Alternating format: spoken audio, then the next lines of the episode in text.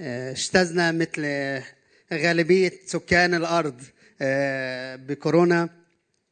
وإحساس بيكون إحساس كتير بيكون صعب.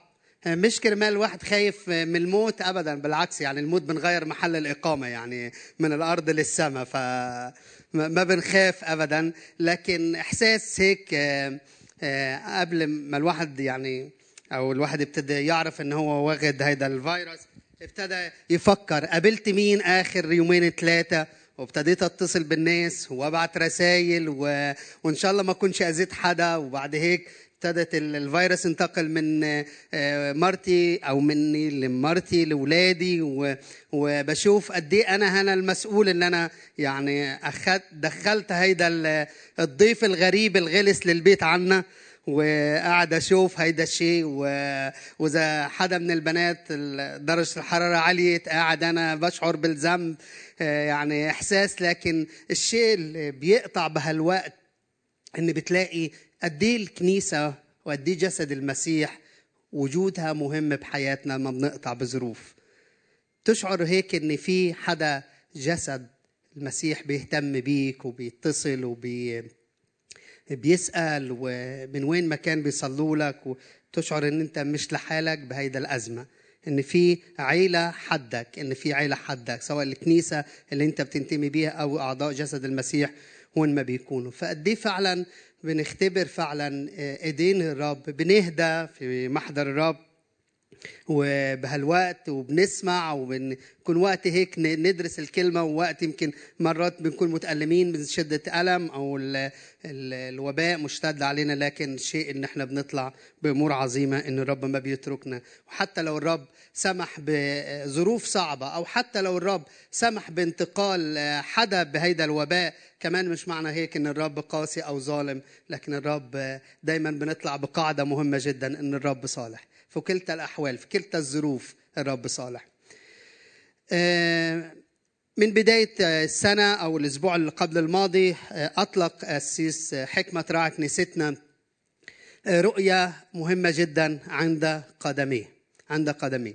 وعند قدمين الرب مش معنى دايما الأسيس بيقول مش معنى عند قدميه يعني فرصة للكسل أو فرصة للنوم ابدا. لكن عند قدميه فرصة إني نقترب لمحضر الله نسمع منه نغير حياتنا باقترابنا إلى محضر الله. نسمع ونقدر نغير نقدر لما نكون في محضر الله نقدر نعكس صورته. فما أروع وما أعظم إن إحنا نكون عند قدميه هيدي رؤيتنا هيدي السنة. عند قدميه نتشكل عند قدميه نعطي مساحة للرب يستخدمنا بطريقة أفضل. عند قدميه ندي مساحة للرب يقود خدماتنا من خلالنا. عند قدميه إن ندي مساحة للرب يشكل فينا فكريا ولاهوتيا وشخصيا بيشكل بشخصياتنا يطبع صورته فينا. عند قدميه كلمة عميقة جدا. هيدي السنة عايزين نعكس صورة الرب. عايز صورة الرب تطبع فينا. كل واحد هيك لما يروح يتصور بيطبع له صورته. عايزين الناس تشوف فينا صورة الرب. عايز الناس فينا تشوف فينا يسوع بيتحرك في بيوتنا عند قدميه. ما أروع وما أعظم هذا هذه الرؤية هيدي السنة إن إحنا نيجي عند قدمين الرب. مش بنتبع زعيم ولا بنتبع رئيس ولا ولا ولا ولا عند قدمين حدا كرمال مصالح شخصية. لا نحن عند قدمين الرب. حتى يشكل المسيح فينا. نعكس صورته. لشرقنا الاوسط والأسبوع الماضي الأسيس عماد اتكلم عن خبز وماء للطريق تكملة للموضوع كمان. هنطلق من نص كتابي مهم جدا من سفر صموئيل الأول إصحاح ثلاثة أو صموئيل الأول إصحاح ثلاثة والأعداد الأولى. وكان الصبي صموئيل يخدم الرب أمام أعالي وكانت كلمة الرب عزيزة في تلك الأيام. لم تكن رؤيا كثيرة. وكان في ذلك الزمان إذ كان عالي مضطجعا في مكانه وعيناه ابتدأتا تضعفان. لم يقدر أن يبصر. وقبل أن ينطفي سراج الله يعني المنارة وصمئيل مضطجع في هيكل الرب الذي فيه تابوت الله. أن الرب دعا صموئيل فقال ها أنا ذا وركض إلى عالي وقال ها أنا ذا لأنك دعوتني. فقال لم أدعو ارجع اضطجع, فذهب واضطجع. ثم عاد الرب ودعا أيضا صموئيل. فقال صموئيل وذهب فقام صموئيل وذهب إلى عالي وقال ها أنا ذا لأنك دعوتني.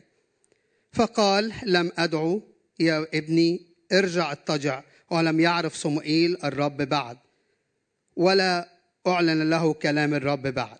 وعاد الرب فدعا صموئيل ثالثة فقام وذهب إلى عالي وقال ها أنا ذا لأنك دعوتني. ففهم عالي أن الرب يدعو الصبي. فقال عالي لصموئيل اذهب اضطجع ويكون إذا دعاك تقول تكلم يا رب لأن عبدك سامع. فذهب صموئيل واضطجع في مكانه. اليوم عنوان العظة تبعونا عند قدميه للتكريس. عند قدميه للتكريس. لما بنشوف خلفية سفر صموئيل أو الخلفية اللي بيحكي عنها يعني هذا السفر بنلاقيه بيحطنا قدام مرحلة انتقالية. مرحلة انتقالية. فيعتبر سفر صموئيل الأول وسفر صموئيل الثاني من الوثائق الهامة اللي بتخبرنا عن أهم الأحداث المهمة اللي هي انتهاء الفترة أو انتهاء فترة الحكم القضاء وبداية نظام جديد اسمه نظام الملكية أو قيام المملكة. نشوف انتهاء الحكم القبائل اللي كان فيه القاضي زي ما بنعرف فترة حكم القضاء اللي كان فيه الشعب يأتي للقاضي ليقضي له بحاجاته بياخدوا مشورة من القاضي. فبنشوف هيدي المرحلة اللي بيحكي عنها بتنتهي ويبدأ مرحلة أو تهيئة لمرحلة مرحلة جديدة. فبعد استقرار بني قبائل بني إسرائيل في أرض كنعان وانتقلوا من حياة البداءة أو حياة البرية إلى حياة حضارية في المدينة. بنشوف كمان إن بينتهي كمان سفر القضاء بيقول كده في تلك الأيام لم يكن ملك في إسرائيل كل واحد عمل ما حسن في عينيه. فبنشوف بينهي سفر القضاء ان ما كان في ملك في إسرائيل وبينهي هيدا السفر كل واحد عمل ما حسن في عينيه. فبيخبرنا سفر صموئيل عن مرحلة جديدة أو تطور جديد في العلاقة بين بني إسرائيل وبين شعبه بين يهوى. ان يبتدي يتكلمنا عن مرحلة جديدة عن مرحلة التحضير للملك. وبنشوف كمان إن الشعب هو اللي طلب طلب ملك قال له كده نريد ملك كباقي كباقي الشعوب. فبنشوف هذا انتقال مهم من الشعب القبلي ونظام العشائر إلى نظام الملكي أو النظام الملوكي أو نظام بداية حكم مملكة.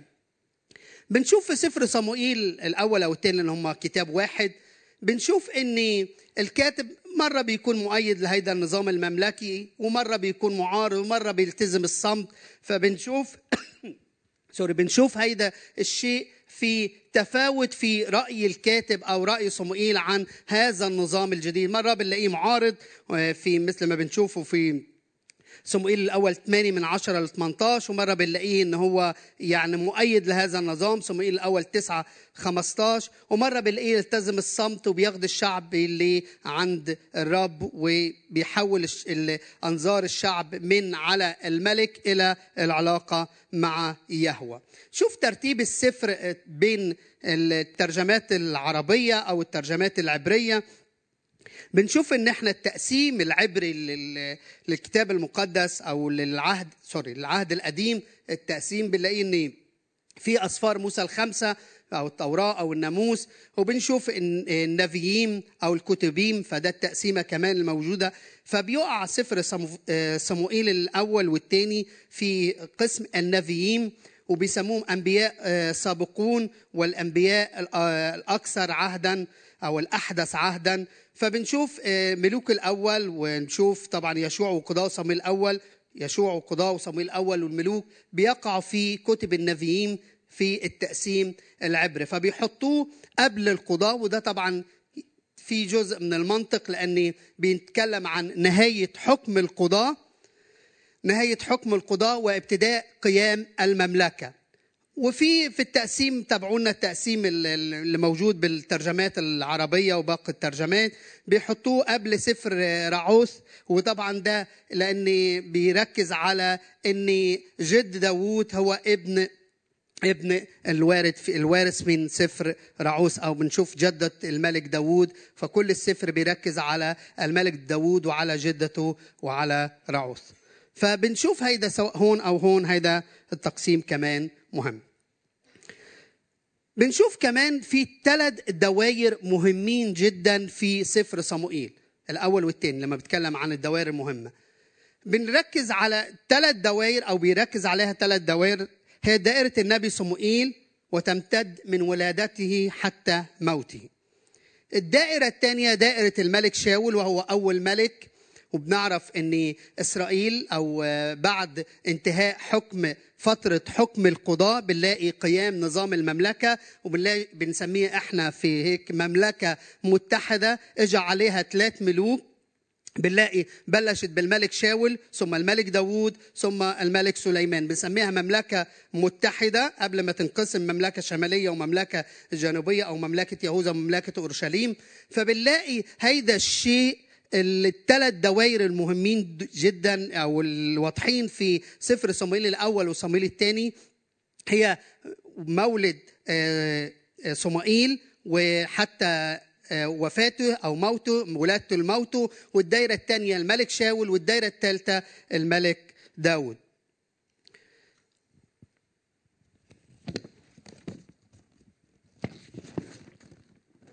راح أركز على الدايرة الأولى اللي هي دائرة صموئيل اللي هي عند قدميه للتكريس. وسوف يكون تركيز عظتي على الدائرة الأولى من حياة صموئيل وتنقسم العظة إلى ثلاث أفكار رئيسية رح أحكي فيهم. أول شيء بنشوف في حياة التكريس إن بنشوف إني ولد بوعد خدم بنذر قام بنصر. ثلاث أفكار رئيسية رح تدور أو أفكار رئيسة رح تدور حواليها عظة اليوم. أول شيء ولد ولد بوعد. لما بنتأمل قصة صموئيل النبي بنلاقي بيتكلم عن مولده في صموئيل الأول واحد وبيتكلم عن كيف إن أمه حنا أو حني وحنا بالته المربوطة يعني مش باسم رجل يعني مش ألف يعني مش حنا رجل يعني مش بحكي عن رجل لكن بحكي عن عن امرأة. حني أو حنا بنشوف إن حن النبية كانت عاقر وطلبت من الرب أن يعطيها ولد. وطبعا بنشوف أن لما بنتأمل في القصة في صميل الأول الأصحاح الأول عن مولد هذا النبي مولد هذا الشخص المكرس اللي راح يقود إسرائيل فيما بعد ونشوف في آه، عزتنا باقي عزتنا. فبنشوف إن أبوه ألقانا من بيت آه، لاوي من عشيرة قهات متزوج اثنين حنا وفننا أو حني وفننا ومعنى حن هي معناها الحنان أو نعمة. بنشوف إن كانت عندها مشكلة إن هي عاقر. بنشوف كمان إن ألقانا كان كان بيحب وكان بيكرم آه، حني أكتر من ألقانا إن أعطاها ضعف نصيبين. وده طبعا بنشوف يعني كان إحنا بنقرأ القصة كأن قصة آه، سارة وإبراهيم اللي في تكوين 12 نفس الشيء.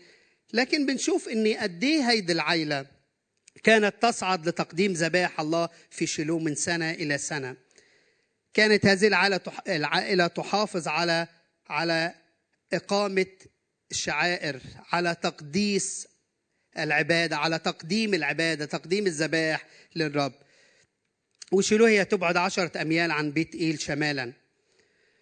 وبنشوف في المشهد اللي فيه حني أو حنا النبية بنشوف في ثلاث شخصيات حواليها بهيدا المشهد. بنشوف القانا والقانا كانت آه، بتغيظها بسبب ان ألقانا سوري فننة كانت بتغيظها لكن بنشوف كيف ردة فعل حني مع إغاظة فننة لإلها. بنشوف كمان مشهد مهم جدا تاني إن هي وص كمان زوجها في المشهد المتصدرة فيه بين الشخصيات. بنشوف كمان مشهد عالي الكاهن فهي أمام ثلاث شخصيات لكن كيف برزت شخصية حني أو حنا كيف برزت هذه الشخصية إن كانت متعبدة للرب؟ لما بنشوف هيك إن الكلام اللي مكتوب عنها لما صعدت لما ابتدت تصلي لما قالت للرب كده أنا لما قالت لعلي أنا مرة النفس أنا مش سكرة مش سكرانة. أنا ليست بنت بليعال. فبنشوف إن كانت عندها شخصية مستقيمة. لما واجهت المشكلة فنجدها إنها تقف أمام الرب تصلي ودرس مهم جدا لينا. لما واجهت مشكلة ماذا فعلت؟ لما بتواجه مشكلة كيف بتعمل؟ راحت بمشكلتها ايا كان المشكلة. أخذت هذه المشكلة واقتربت إلى عند قدميه. وكانت مشكلة إن هي عاقل مشكلة صعبة بهالأيام. راحت بمشكلتها وقفت أمام الرب تصلي. فهي تقف في في المكان الذي يقف فيه الأنبياء في العهد القديم لرفع الصلاة إلى الرب. الرب يسمع الصلاة. قالت أرتفع قرني أمام الرب. الهتاف يعني النصرة نصرتي. فأنا مش جاية ضعيفة مش جاية مكسورة. لكن أنا جاية وبعرف إن الرب يقدر يسمع ليا. اختارت المكان الصحيح تروح لي. وأعلنت عن قداسة الرب. قالت إن الرب قدوس. فبتظهر قداسة يهوى بأعماله. قد إيه هيدا الشيء مهم؟ هل لما بروح لمحضر الله متذمر؟ ولا بقدم شكر للرب وأقول له يا رب أنا عارف إن أنت صالح. أنا عارف إن أنت في المشهد. حتى لو أنا بجتاز في ظروف صعبة لكن أنا بعرف وبثق إنك معي مش رح تتركني. فحني اختارت أن تأتي وتذهب وتقف في محضر الله لتصلي وتعلن عن عن تعبها تعلن عن ألمها تعلن عن عن وجعها فمن خلال هذه القصة نتعلم بعض الدروس. أول شيء الثقة بالرب وهي ثقة بلا حدود. فنجد المستقبل لا يحمل شيء من الامل والرجاء بالنسبة لها فهي عاقر بلا رجاء. فالله وحده قادر على حل الأمر. تعلم إن إحنا نضع حاجاتنا أمام الرب مش بس هيك ونثق فيه. مرات بنقول للرب أنا عارفك أنت صالح وأنت تقدر تتدخل لكن إلى أي مدى عندي ثقة في الرب؟ إلى أي مدى أنا داخل في محضر الرب وبعرف إنه هيستجيب مش هيتركني؟ إلى أي مدى بكون عندي ثقة في صلاح الله وأمانة الله؟ بنشوف حني راحت لمحضر الرب عند قدميه لأن عرف الحل يأتي من عند الرب. وقالت في عدد تسعة بالأصحاح الثاني قالت ليس بالقوة يغلب الإنسان. لكن عرفت إن قوتها إن مصدر استجاب صلواتها في محضر الله. الامر الثاني في تعلمه من من حني الثاني هو أن نعبر عن مشاعرنا أمام الرب ولا نحاول أن نخفي مشاعرنا الداخلية. قلقنا من الأيام القادمة. لكن قدرت تعبر وقدرت تبكي في محضر الرب وقدرت تكون آه، آه، حقيقيا جاز التعبير في محضر الرب. ما قدرت تنقل صورة مزيفة لكن قدرت تعبر عن عن وجعها قدرت تعبر عن ألمها في محضر الرب. ما جو ما جربت تجمل الصورة وهي مجروحة ومكسورة لكن لا قدرت تعبر قدرت قدرت تفضح حالها إنجاز التعبير تكشف حالها في محضر الرب. حنا ببساطة قلب واستقامة عبرت عن حاجتها وقلقها في محضر الرب.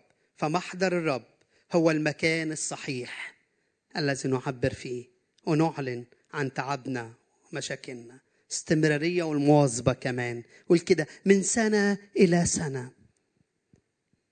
من سنة إلى سنة. وقد إيه لما جه أعالي الكاهن وقال لها يعتق الرب سؤل قلبك. وقامت وفرحت ورجعت ليه؟ رغم لسه ما كانش امتلكت الوعد بعد لكن صدقت وآمنت إن الرب يقدر يصنع المستحيل. الرب يقدر يصنع مستحيل إحنا مش بن مش صلوات بنضارب الهوى أو بنصلي الرب يسمع أو ما يسمع لكن بنصلي وعندنا يقين بإله حي. إذا تأنى استجابة وفي الرفض استجابة فالرب بيستجيب بطرق مختلفة. فالرب اتأنى علينا فهيدي استجابة. والرب أجل فاستجابة وإذا الرب عدل فاستجابة وفي الرفض كمان مرات بيكون استجابة. فاستجابات الرب لصلواتنا مختلفة. الرب بيستجيب من منظار صلاحه. فولد بوعد خدم بنذر. طفولة صموئيل وتكريسه للرب. الرب استجاب ليها. وبعد طبعا فترة المفروض كانت قالت ما صدقت. واو خي ما صدقت الرب أعطاني ولا. هيدا الإلي خلاص. لكن يقول كده إن دعته صموئيل أو بالعبرية شموئيل يعني معناها الرب يسمع. وقدمته للرب كنذير لما بنقرا القصة نلاقي إني قالت أعطيته للرب عارية يعني مخصص مكرس للرب. فالولد اللي أنا كنت بتمناه الولد كان نفسي أشوفه الشيء الغالي اللي شفته وحضنته لا قلت الغالي بعطيه للرب. الغالي بعطيه للرب. حياة التكريس حياة التكريس. قدمت صموئيل للرب قدمت صموئيل للرب. وقبل ما أشوف ال ال كيف الرب تراءى لصموئيل في هيكل الرب بنشوف المشهد حواليه. حفن وفنحاس أولاد علي الكاهن بنلاقي إن هم كانوا بيزنوا مع النساء المتجندات لخدمة للخدمة الخيمه الاجتماع. هيدا المشهد اللي موجود فساد بياخدوا من أولاد الكاهن اللي هم بيكهنوا بياخدوا من الذبيحة بيعوجوا المس... القضاء بيعوجوا خدمة الرب خلوا الشعب بيبعد عن الرب. هيدا المشهد اللي اتربى فيه صموئيل. هيدا الجيل اللي حواليه صموئيل. لكن نلاقي إن صموئيل وضع عيونه لخدمة الرب. ما تطلع حواليه على فساد المجتمع حواليه. ما تطلع شو جيله بيعمل شو بيتصرف. لكن صموئيل وضع في, حي... في قلبه أن يعيش نذير للرب أن يكون مكرس للرب. شو ما كان المشاهد حوالينا شو ما كانت الناس اللي رايحة ناحية الإلحاد والشر وبيجربوا الأمور كتيرة وبيحاولوا يلاقوا أنظمة تكسر أنظمة الله اللي وضعها لقداسة الإنسان. لكن نلاقي أن صمويل وضع في قلبه أن يعيش مكرس للرب. شاب صغير عمره 12 سنة ويعني كان شاف أولاد دعال الكاهن ضايعين وفسد وبيزنوا وبيع... ليش ما روحش معهم؟ لكن صموئيل قرر أن يعيش حياة التكريس. وين؟ في محضر الرب في محضر الرب. هيدي الأيام كانت صعبة. كيف بنشوف صعب النص اللي إحنا قريناه؟ وكانت كلمة الرب عزيزة. أي نادرة لم تكن رؤية تعلن جهارا. كان زمن عصيب. لم يكن فيه نبي الله ما كان فيه رسالة من الله. انقطع تواصل الله تواصل السماء بالأرض. ما في نبوة موجودة. وكلمة الرب عزيزة والناس رايحة بعيدة عن عبادة الرب. لكن نلاقي صموئيل قرر أن يعيش حياة التكريس. قول كده قبل أن ينطفي سراج الله أي المنارة ذات الشعب السبعة. هنلاقي إن الرب بيدعي صموئيل. بنلاقي إن الرب بيقدم دعوة لصموئيل. ونشوف هيك قد إيه طبعا بهالوقت يعني تقريبا هيدي الرؤية الرب ظهر له برؤية واضحة بصوت واضح آه، مش كهي مش كشكل واضح لكن صوت نداه في الفجر طبعا وكان شاب نايم نايم في عند خيمة الاجتماع. وعلي اللي كان المفروض يكون بالخيمة نايم بمحل آخر. لاقي هيك يقوم ويروح يقول له نعم يا سيدي لعالي الكاهن. يقول له أنا حبيبي. يقول له أنت دعيتني قال له ما دعيتك. رجع نام مرة الثانية والثالثه ويدرك عالي في المرة الثالثه حن الرب هو اللي بيدعى صموئيل. قال له روح لما يدعيك. قول له تكلم يا رب لأن عبدك سامع. وفكرة لأن اللي إحنا قريناه يقول كده وأن لأن صموئيل لم يعرف الرب يعني لأن ما كانش فيه لسه لقاء مباشر بين صموئيل وبين وبين الله. فبنشوف صموئيل خدم وسط ظروف صعبة. بدأ خدمته وسط فساد. العائلة الكهنوتية في شيلو عالي وبنيه بعدوا الناس عن عبادة الرب. عالي ضعيف لا يقوى على على التغيير وعلى الإصلاح. سلوك أبناء عالي منتشر الفساد حوالينه. مش بس هيك لكن صموئيل كان بيواجه خطر خارجي متمثل في الهجمات المتكررة على قبائل بني إسرائيل. طبعا كمان فقدان الرمز الديني بهالوقت عالي وعائلته. فقدان كمان تابوت عهد الله اللي أخذوه الفلسطينيين. في وسط هذه الظروف صموئيل كان في محضر الله. التم... والدرس التطبيقي أو الدرس العملي التمسك بالرب يجعلك متميزا وسط عالم مليء بالشر والخطيه مش مهم المشهد اللي حواليك شو وضعه. مش مهم الناس كيف بتتصرف مش مهم الناس الشر كيف لكن أنا كيف أنا بعيش؟ كيف أنا بسلك؟ هل أنا عند قدميه في محضر الله أم أنا بعيد كل البعد؟ بنشوف ناس طيارات كتيرة بتاخدنا نبعد عن محضر الله ونبعد عن عبادة الله. لكن هل أنا متمسك هل أنا في حضور الله؟ هل أنا في محضر الله؟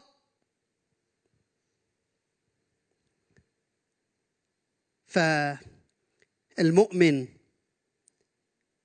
الحقيقي هو اللي يكون في محضر الله ويقدر يواجه الشر المحيط بينا يقدر يصنع تغيير. إذا إحنا رسالتنا كرسالة نور المسيح الأسيس حكمة أخذ سلسلة عن النور. إذا إحنا كرسالة نور بطلنا نكون نور مين اللي هينور العالم؟ مين اللي هيصنع التغيير؟ مين اللي هيخلي الظلام يختفي إذا رسالة النور اختفت؟ إذا عشنا مثل ما باقي الناس عايشة. دايما بنقول هيك. يمكن أكون لمبة بس لمبة محروقة. مش بتنور. رب عايزنا نكون نور عايزنا ننور عايزنا ننور في الضلمة. الشر هيختفي لما النور يظهر. لما النور يظهر الضلمة هتختفي. آخر شيء قاد بنصر. الفكرة الثالثة عن صموئيل قاد بنصر. قاد الشعب لتحقيق الانتصار. فنجد أنه قام بقيادة الشعب للتقرب إلى الرب. ابتدى. يأخذ الشعب يقربهم ليهوى. يحرك مشاعر الشعب الدينية. يحرك فيهم المشاعر اللي باتت المشاعر اللي تبلدت اللي صارت بعيدة عن الله. وهيك عرف جميع بني إسرائيل من دان إلى بئر سبع أن الرب استعلن لصموئيل في شيلوه أي من الشمال أقصى الشمال إلى أقصى الجنوب.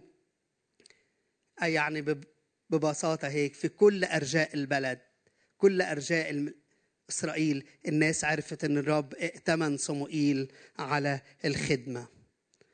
شهد له الوحي على أنه انتصر على الفلسطينيين. استرجع المدن أضعف الخطر الخارجي وعمل صلح مع الأموريين.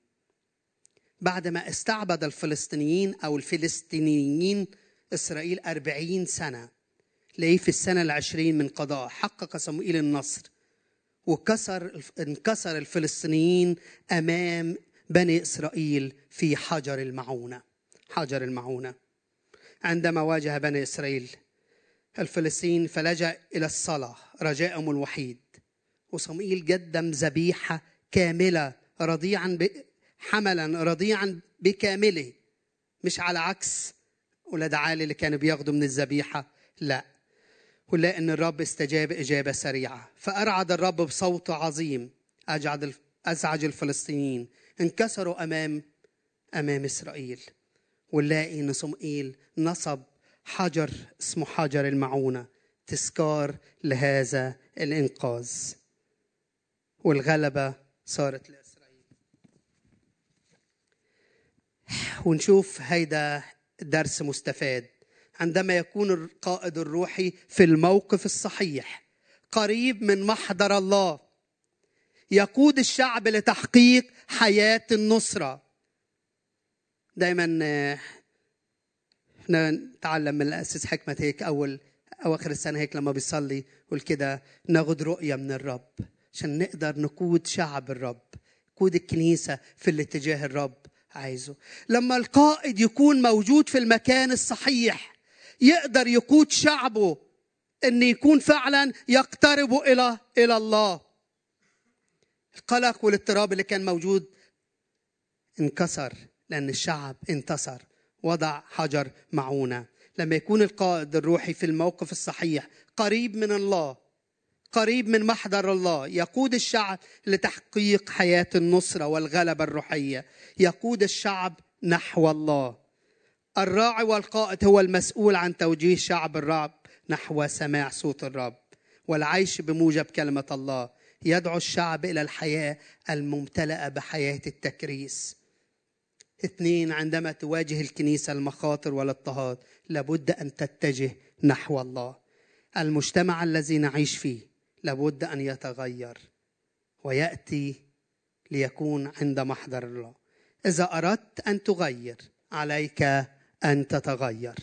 الراعي والقائد يقود شعب الرب لعند قدميه.